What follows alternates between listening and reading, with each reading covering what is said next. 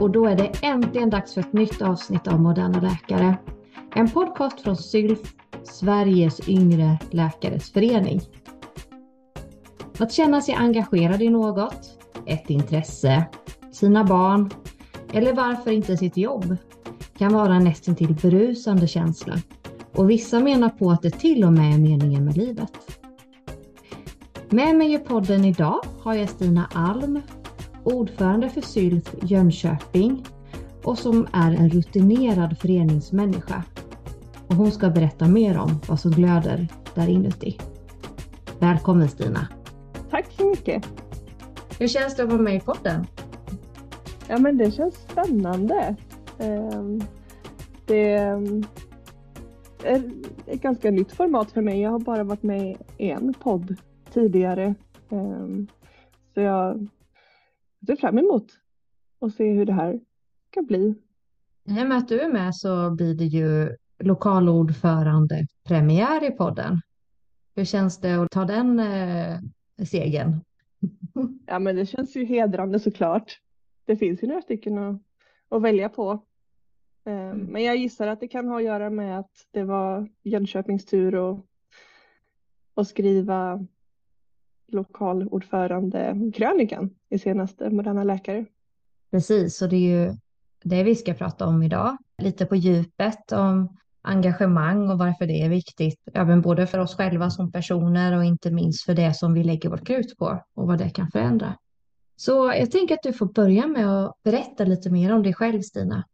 Ja, men jag är uppväxt i Jönköping ehm, och eh, kunde väl knappt vänta tills jag fick lov att flytta härifrån eh, efter gymnasiet. Eh, jag funderade ganska mycket kring om jag ville bli lärare eller läkare. Så jag vickade två år eh, ungefär som lärare runt här i kommunen innan jag landade i att det är lättare att vara en läkare som också undervisar än att vara lärare som också är lite läkare. Så sen bar det av upp till Umeå för jag ville ju så långt norrut som möjligt. Så där pluggade jag ehm, och nu har jag landat tillbaka i Jönköping och gör en forsknings-AT här. Och hur är det då? Ja, men det är ju roligt att kunna kombinera forskningen med, med kliniska tjänstgöringen. Ehm, jag började forska redan under läkarutbildningen och har hållit på med det ungefär på halvtid sen jag började forska då 2017. Eh, så jag tycker det har fungerat bra hela vägen att liksom varva och kombinera ehm, för att det inte ska bli så långa pauser varken på forskningssidan eller på, på kliniska sidan. Hur ser forsknings-ATS-upplägget ut för dig i Region Jönköping? Ja, men det har varit lite spännande för jag var ju först ut i Region Jönköping med att ha en forsknings-AT. Så det var lite lösa ramar i början. Men sen jag började så har det kommit till ytterligare en handfull forsknings-AT. Eh, så nu börjar vi bli ett litet stabilt gäng. Eh, så mm. det känns jätteroligt. Och det finns ju menar, en speciell enhet i regionen här som heter Futurum. Där både AT-organisationen och det lokala forskningsarbetet ligger under. Så det har varit ja, men relativt smidigt att kombinera. Sen har jag ju mina handledare i Umeå fortfarande. Får du åka upp dit ibland då? Ja, här i regionen har man bestämt att eh, om man är anställd och håller på med forskarutbildning så får man resa betalt två gånger per termin till sitt lärosäte. Eh, så det har jag ju gjort och sen lite utöver det. Dels för att det är trevligt att komma tillbaka till forsknings sammanhanget, men också när det har krävts rent praktiskt. Inom neonatologin är det fortfarande lite rester av pappersjournaler och sådär som är svåra att, att läsa av på distans till exempel. Hur många månaders forskning har du fått in under ATn? Ja, men jag gör en ganska lång AT. Kliniska ATn här är 21 månader och så har jag 15 månader forskning insprängt emellan blocken. Så det blir tre Oj, år. Det var mycket. Får du någon motsvarande lägg legitimerad läkarlön efter ett tag eller är det AT-lön rakt igenom under de här tre åren?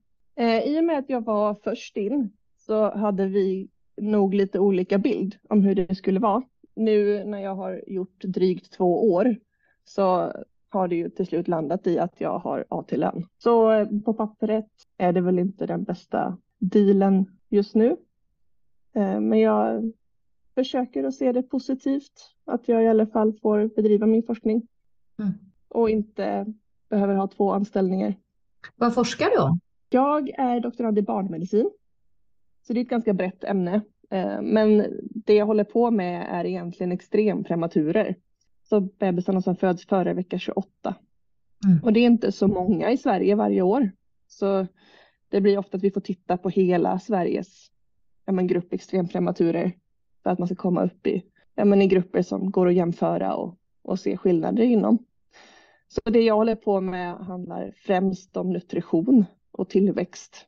Det är ju en tacksam grupp att studera nutrition kring för man vet ju exakt vad det är de får i sig. Och man gör ju liksom, nutritionsanalyser på bröstmjölken till exempel så man vet exakt hur mycket kalorier det är i den här mammans eller donatorns bröstmjölk just, just nu. Men det är spännande och roligt. Det är inte som med vuxna då, man glömmer bort att man har ätit en skumraket också. När man tecknar ner till forskningsprojektet hur mycket man får i sig och så då. Nej men exakt, det finns väl många studier som belägger att det här med matdagböcker eh, har väldigt stora varianser i eh, hur noga man fyller i. Mm. Eh, vi jobbar ju också med felmarginaler här man kanske inte ger hela mängden bröstmjölk som ordinerad om barnet till exempel börjar visa tecken på att må illa. Men mm. på det stora hela så är ju felmarginalen betydligt mycket mindre och kontrollerad än, äh, än i övriga populationer. När är tanken att du ska disputera? Ja, men förhoppningen och det som gjorde att jag ville ha så pass mycket forskning under ATn är att målet är att disputera i anslutning till att ATn är slut. Mm. Så någon gång i, under nästa vår Mm. Hoppas jag kunna få bjuda in till en stor fest. Härligt. Det måste vara jätteskönt ja. och det är ändå en, en, lång process tänker jag att bli färdig eh, med sin eh, doktorsavhandling. Ja, och framför allt för oss som jobbar som läkare så tenderar det att bli en väldigt utdragen process. Mm. Om man jämför med andra som, som disputerar. Mm. Ehm, det är ju ganska ovanligt att göra det på heltid utan att de flesta börjar kanske lite senare i karriären också. Och så ska man kombinera det med ordinarie verksamhet. Så mm, nej, jag är jätteglad att jag fick chansen att börja redan under utbildningen.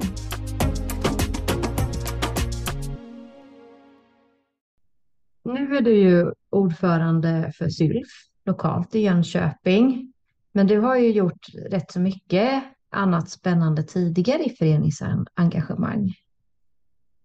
Ja, allt började väl egentligen i scouterna när jag var, var riktigt liten. Eh, mina föräldrar var scoutledare och engagerade inom ett scoutförbund på nationell nivå också. Så det blev en ganska naturlig liksom, ledarskapsutbildning. Eh, att få växa in och ta ansvar. Eh, jag blev ordförande i lokala scoutkåren här när jag var 15 tror jag. Mm. Och sen blev jag ordförande på nationell nivå i samband med att jag fyllde 18. Så det, det känns som att mitt, mitt engagemang har någon sorts alltid präglats av att det saknas engagerade. Eller saknas andra som har möjligheten att göra det just nu. Och så har jag, jag fått chansen att testa Eh, även fast man på pappret har varit ung och oerfaren så, så har man fått göra ett försök och med bra stöttning liksom lära sig samtidigt som man gör. Mm. Eh, och jag tror att det är det som har gjort att jag har fortsatt just det där att, att det inte är belagt med, med stenhård press och stress utan att det finns en förståelse för att man ska få växa in i ett uppdrag och lära sig under tiden och få chans att få stöttning under tiden man, man har ett uppdrag. Att man inte ska vara fullärd innan man kliver in. För då tror jag att det blir väldigt svårt att hitta andra som vill börja engagera sig. Mm. Sen efter scouterna, eh, eller parallellt med scouterna, för det håller jag fortfarande på med, så har jag ju varit liksom, studentkårsengagerad i Umeå. Jag tror att jag någon gång lovade mig själv när jag flyttade till Umeå att jag inte skulle engagera mig i någonting där. Eh, men det höll väl ungefär i en termin och sen var jag inne i, i studentkårsarbetet eh, och var utbildningsbevakningsansvarig i två år eh, för medicinska studentkåren innan jag blev kårordförande. Så det var ju också en jättebra skola och få liksom lära sig myndighetsarbetet. Det hade jag aldrig varit inblandad i innan. Ehm, men jag upplevde att Umeå universitet var en väldigt ja, men bra och tillåtande miljö att få, få lära sig i. Det var så mycket roliga uppdrag och jag upplever verkligen att, att man blev lyssnad på. Sen hjälpte det väl kanske att jag oftast var den som hade läst handlingarna noggrannast. Eh, så att man kunde hitta ja, men, lite stavfel och tekniska fel som kunde hjälpa liksom, hela arbetet framåt. Jag tänker att om man väl har börjat engagera sig så är det svårt att stänga av. Det är svårt att stänga av den kranen inom en på något sätt för att det är ett sätt of mind också. Ja, verkligen. Ja, men jag har ju funderat, jag har gått olika ledarskapsutbildningar och olika liksom, former av reflektionsgrupper åt höger och vänster. Vad det är som egentligen gör att jag engagerar mig. Och jag har liksom landat i att jag tror att det är nyfikenhet till stor del. Jag tycker om att, att lära mig hur saker fungerar och varför, det, varför beslut fattas som de görs just här och vad som är på gång framöver, vart, vart organisationer vill och vart föreningar vill och vad det är man har med sig i bagaget som formar hur man gör saker just nu.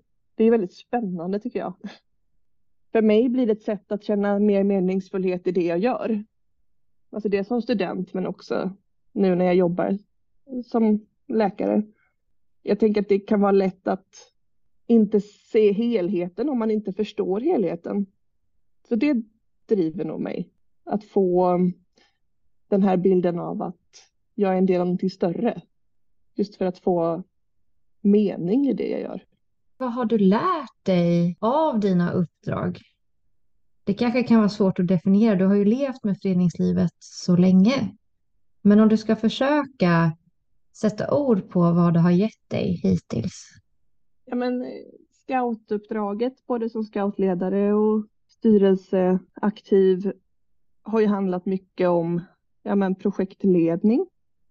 Att ro saker i hamn. Eh, att handleda yngre eller eh, grupper för att saker ska, ska bli av. Man kan inte göra allting själv. Det är nog en lärdom. Det här att, att eh, arbeta i team och tillsammans och att inte detaljstyra för mycket. För det funkar inte i en, i en så stor organisation där folk vill så olika saker. Då måste man leda på ett annat sätt. Trygghet och lugn i att saker oftast blir ganska bra så länge man gör det tillsammans och har roligt under tiden man gör det. Och att det inte alltid är resultatet som är det viktigaste. Ibland är det det, men ganska ofta så är det ju inte slutprodukten som är det allra, allra viktigaste i det vi gör. Utan vad är det? Ja, men hur man tar sig dit. Eh, att man har ett bra arbetsklimat tillsammans. Eh, att man känner sig lyssnad på och värderad för det man gör och för den man är i det arbetet som, som man gör tillsammans och att man vet varåt det är man, man ror. För annars är det också svårt att känna mening. Om man inte förstår varför vi står och trampar här just nu. Mm. För så är det väl överallt, att det inte är roligt varenda dag. Det är ganska ofta jag inte tycker det är kul att sitta med mina Excel-filer och räkna ut dygnsmedelintag av olika lipider. Men jag vet ju varför jag gör det. Kan du någon gång känna frustration liksom i arbetslivet? Utifrån att du har eh, varit med och, och, och drivit samarbete, projekt i arbetsledningen gentemot dig då på jobbet? Ja, men det tror jag alla känner. Alltså oavsett om man är engagerad eller inte. Att saker ofta, ibland kan göras på ett, ett annat sätt eller ett smartare sätt eller ett enklare sätt. Men jag tror att det jag har lärt mig på vägen är att det ibland finns en förklaring till varför vi gör just så här. Eh, men nu senast så tror jag att det tydliga exemplet var, jag gör min psykiatriplacering just nu på ATN. Och vi har Cosmic, som väl ganska många andra i det här landet snart har eller redan har. Och då finns det en aktivitetshanterare där man ska dubbeldokumentera allt man gör som har med tvångsvården att göra. Men man ska också dubbeldokumentera allt som har med inte tvångsvården att göra. Aktivera frivilliga inläggningar, eh, registrera vårdintyg. Det har jag fortfarande extremt svårt att förstå varför jag när jag skriver in en patient ska behöva göra det på två ställen och diktera det. Men om vi ska gå in lite mer på, på ditt engagemang i SYLF. När började du engagera dig och hur var vägen fram till ordförandeposten? Ja, det började väl redan på introveckan på ATM när eh, dåvarande kassören i lokalföreningen här kom på vår AT-introvecka eh, och fick en halvtimme att introducera SYLF. Sen så ställde hon en öppen fråga i slutet och frågade om det var någon som var intresserad av att få en inbjudan till nästa styrelsemöte. Och eh, då eh, lämnade jag över min mailadress. Och sen, eh, sen var jag så att säga infångad. Men jag började i februari. Så jag var ju med adjungerad ett helt år nästan innan nästa årsmöte i januari. Vilket år är vi inne på nu? Ja, jag började ju ATN 2021. Så årsmötet 2022 då blev jag invald. Och då stod föreningen här lite i ett vägval. Om vi skulle satsa på att ha en egen styrelse i SYLF. Eller om vi skulle acceptera att vi var för få för att driva föreningen vidare. Och istället ja, men bli vilande och, och låta Läkarföreningen lokalt ta över ansvaret. Och det fanns ju starka röster åt båda håll. Till slut så landade vi i att vi ville ge ett försök. Det fanns ingen motkandidat till ordförandeposten så att säga. Så då blev jag vald till lokalordförande här. Så på den vägen var det. Och hur kom det sig att ni landade i då att det behövdes ett SYLF i Jönköpings län? Vi är ju en, en region som jämfört med liksom Norrland är ganska liten men ändå ganska utspridd.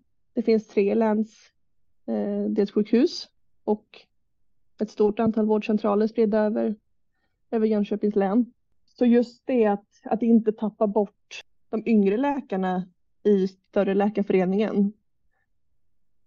För på något sätt när man lägger ner någonting eller att någonting blir vilande så är det ju oftast ett betydligt större arbete att starta upp det igen än att hålla det igång på sparlåga.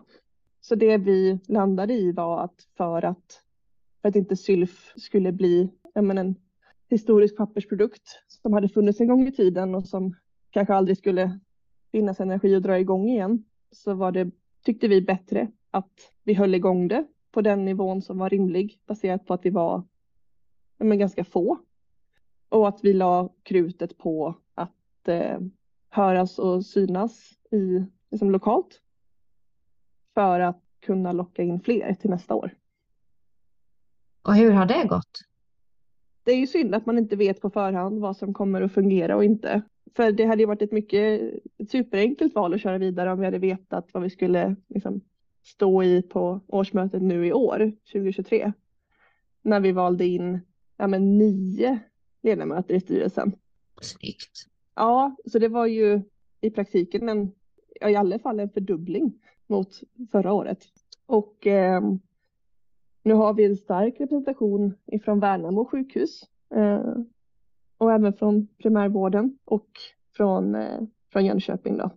Så just nu så är det Eksjö vi inte har någon ledamot som är anställd på, på sjukhuset där. Men annars så, eh, så har det varit en, en stark framåtmarsch Jag tänker att det är en liten shout-out till, eh, till Eksjö.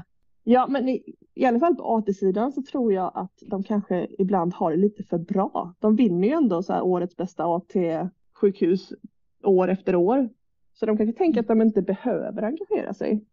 Mm. Ja, så Mm. kan det kanske vara. Jag tänker att även om de känner att de har det så bra så eh, kan de ju i kollegial anda engagera sig för att göra det bra även på de andra sjukhusen i länet.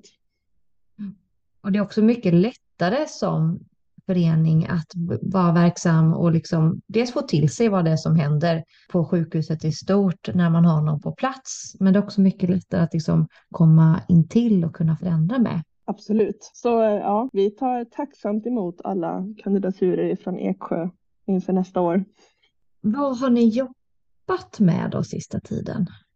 Ja, men för att vara krass så har det varit ja, men, mycket basala föreningsfrågor för att hålla liksom, den här grundläggande föreningen vid liv.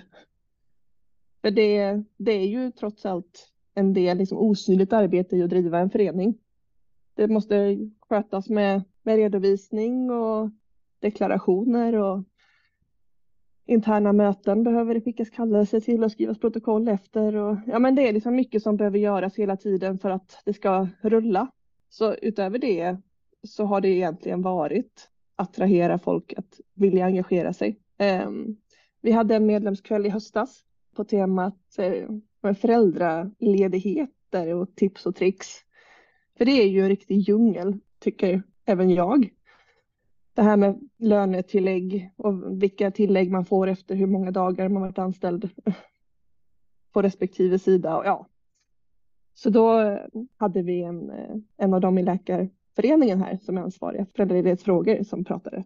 Så det var jättebra och välbesökt och jätte, jätteroligt. Träffas vi underläkare.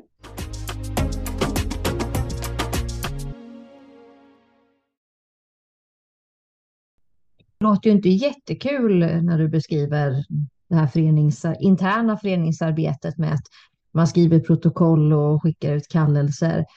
Eh, what's in it för individen då att engagera sig i SYLF? Varför ska man göra det? Ja, men för det första så tror jag att vi, vi kan vara ganska olika som, som människor. Jag tycker att det är kul att skriva kallelser eh, och sköta ja, men det här interna arbetet. Men jag har förståelse för att alla inte tycker det. Men det som jag tycker ger mest är ju att träffa andra som är på en annan plats, både i karriären och i livet, som man kanske inte träff hade träffat på annars. Eh, jag har fått många nya vänner som jag kanske bara hade sett som, som mina primärjourer annars. För min del så har det nog varit att det sociala har varit en stor del. Att få göra saker tillsammans är ju skitkul också. Jag blir föreningsmänniska på äldre dagar. Några av mina häftigaste upplevelser har faktiskt varit i föreningslivet. Ja, och på något sätt så blir det ju enklare, känner jag, att, att se det. Om man ha, tar ett halvsteg tillbaka och har möjlighet att reflektera kring att det inte är målet som är det viktigaste. För oss förra året här i Sylf så var det inte målet som var det viktigaste. Utan det var att hålla näsan ovanför vattenytan. Och att det skulle finnas kvar någonting att bygga vidare på. Och ibland så får det vara liksom good enough. Men behöver man kunna en massa fackligt för att man ska engagera sig i SYLF som, som underläkare? Eh, nej, det hoppas jag inte, för jag kunde ingenting egentligen när jag började. Jag hade ju med mig det studentfackliga, alltså det hade jag ju lite koll på. Eh, liksom UKÄ och liksom, hela den svängen. Men just det fackliga hade jag aldrig känt att jag var så berörd av. Men det fanns ju både kloka och erfarna människor här lokalt i Läkarföreningen och i ja, men gamla eh, engagerade i SYLF som eh, förmedlade det som man behövde liksom, ha koll på från början. Och sen får man ju lära sig under tiden. Jag fick chansen att gå en introkurs, inte för SYLF, för det funkade inte rent datummässigt, men Läkarföreningen, eller Läkarförbundets introkurs gick jag ganska tidigt efter att jag blev ordförande. Och det var ju en bra liksom, grund. Sen eh, kände jag personligen att jag kanske har ett behov av att känna att det inte bara är en sidas information man får. Det är klart jag litar på Läkarförbundet, annars hade det väl varit konstigt att engagera sig. Men det känns lite naivt att bara ta in en part i arbetsrättsliga sammanhangs tolkningar av lagar och hur saker ska fungera. Så under hösten så läste jag en, eh, en kurs i arbetsrätt, liksom en fristående kurs på Borås universitet. Eller Högskolan i Borås heter det väl. På 7,5 poäng. Och det tyckte jag kändes det kändes det skönt, för det var ingenting som jag upplevde sa emot det jag hade lärt mig på, på Läkarförbundets introkurs. Men framförallt så fick jag lite mer kött på benen. Men jag vill poängtera att man inte behöver läsa några fristående kurser på kvällarna för att få engagera sig. Men om man, om man inte är en sån där som tycker om protokoll och, och kallelser, eh, vad kan, kan du ge något exempel på vad man kan göra genom SYLF?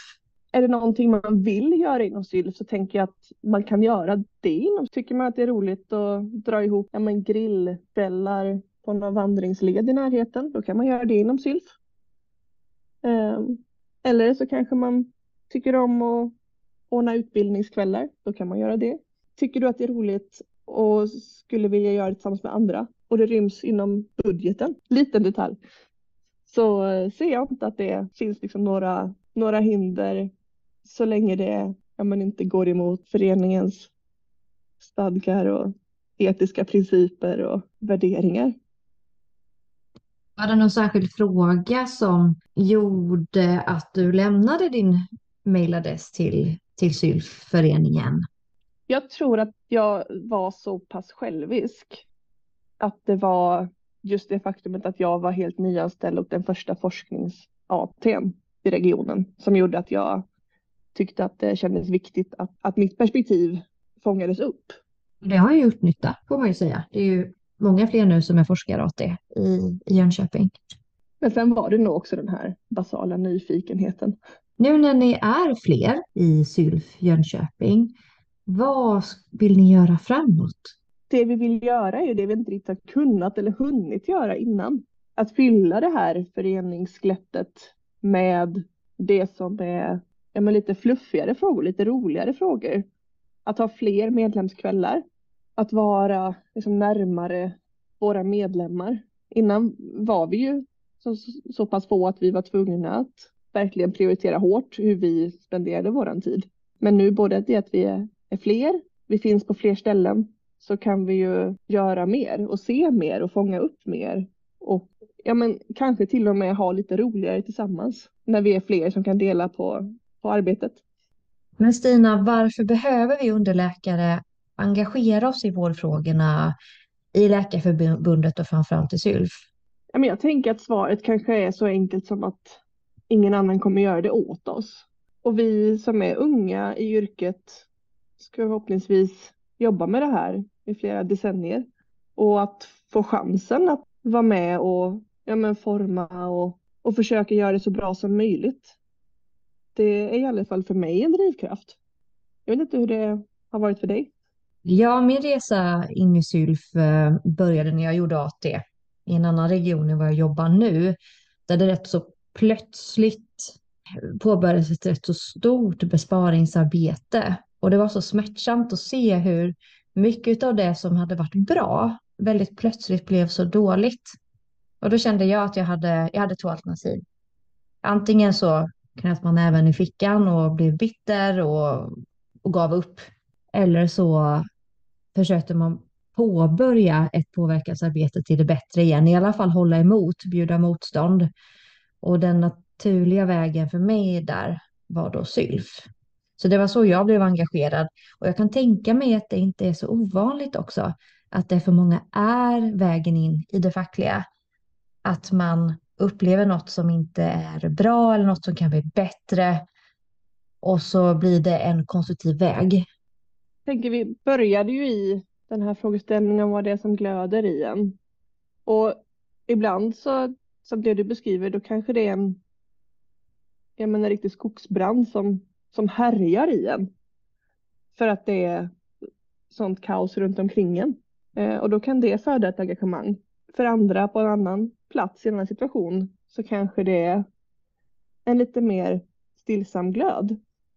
För att man vill engagera sig och, och föra fram det man själv har varit med om och ser. Som kan göra våran vardag och arbetsdag lite bättre både för oss och för våra patienter. Och jag tänker att båda två behövs. För det blir svårt att driva en organisation som bara reagerar på skogsbränder. För du tar ju upp det här med grit i din text, eller ihärdighet. Att reagera på en skogsbrand som du beskriver, ja, jo, det, det bränner ju mycket energi. Eh, och man kan bli väldigt arg i stunden, men för att man ska uppnå förändring så behöver man ofta hålla i. Och man kommer gå möta motstånd och man kommer att, och bli besviken och känna att man inte får gehör. Men rätt vad det är så har man liksom knackat på tillräckligt många ställen i en tegelvägg så då rasar ändå bitar ner som man kommer igenom. Och det, det sker ju då och då. Det är inte alltid man får direkt respons på, på sitt engagemang eh, och att man når sina mål, men det kommer om man, om man håller i och fortsätter. Ja, precis. Jag tror att om man går in i ett engagemang som Sylf och har ett stort behov av att se snabba, direkta förändringar så kan det kanske vara en liten utmaning.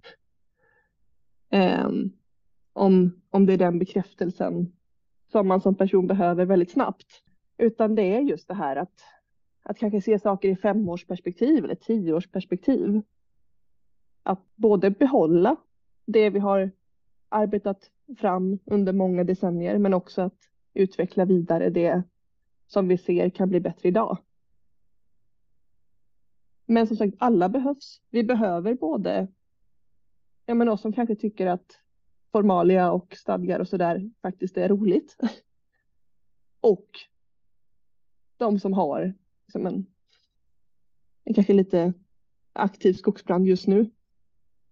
För att vi ska både ta tillvara det här långsiktiga men också kunna hjälpa varandra här och nu. Så om man sitter där hemma och har någon fråga som är väldigt viktig för en, vad ska man göra då? Ja, om man inte redan har varit i kontakt med sin lokala asylförening så tycker jag att man ska googla fram SYLF och så den regionen man jobbar i och hitta mejladressen eller telefonnummer till någon i styrelsen eh, och höra av sig. Men Stina, det var jättetrevligt att få prata med dig och höra din väg i Sylf och eh, ja, lite mer om vad som eh, glöder i dig. Ja, men tack detsamma Julia.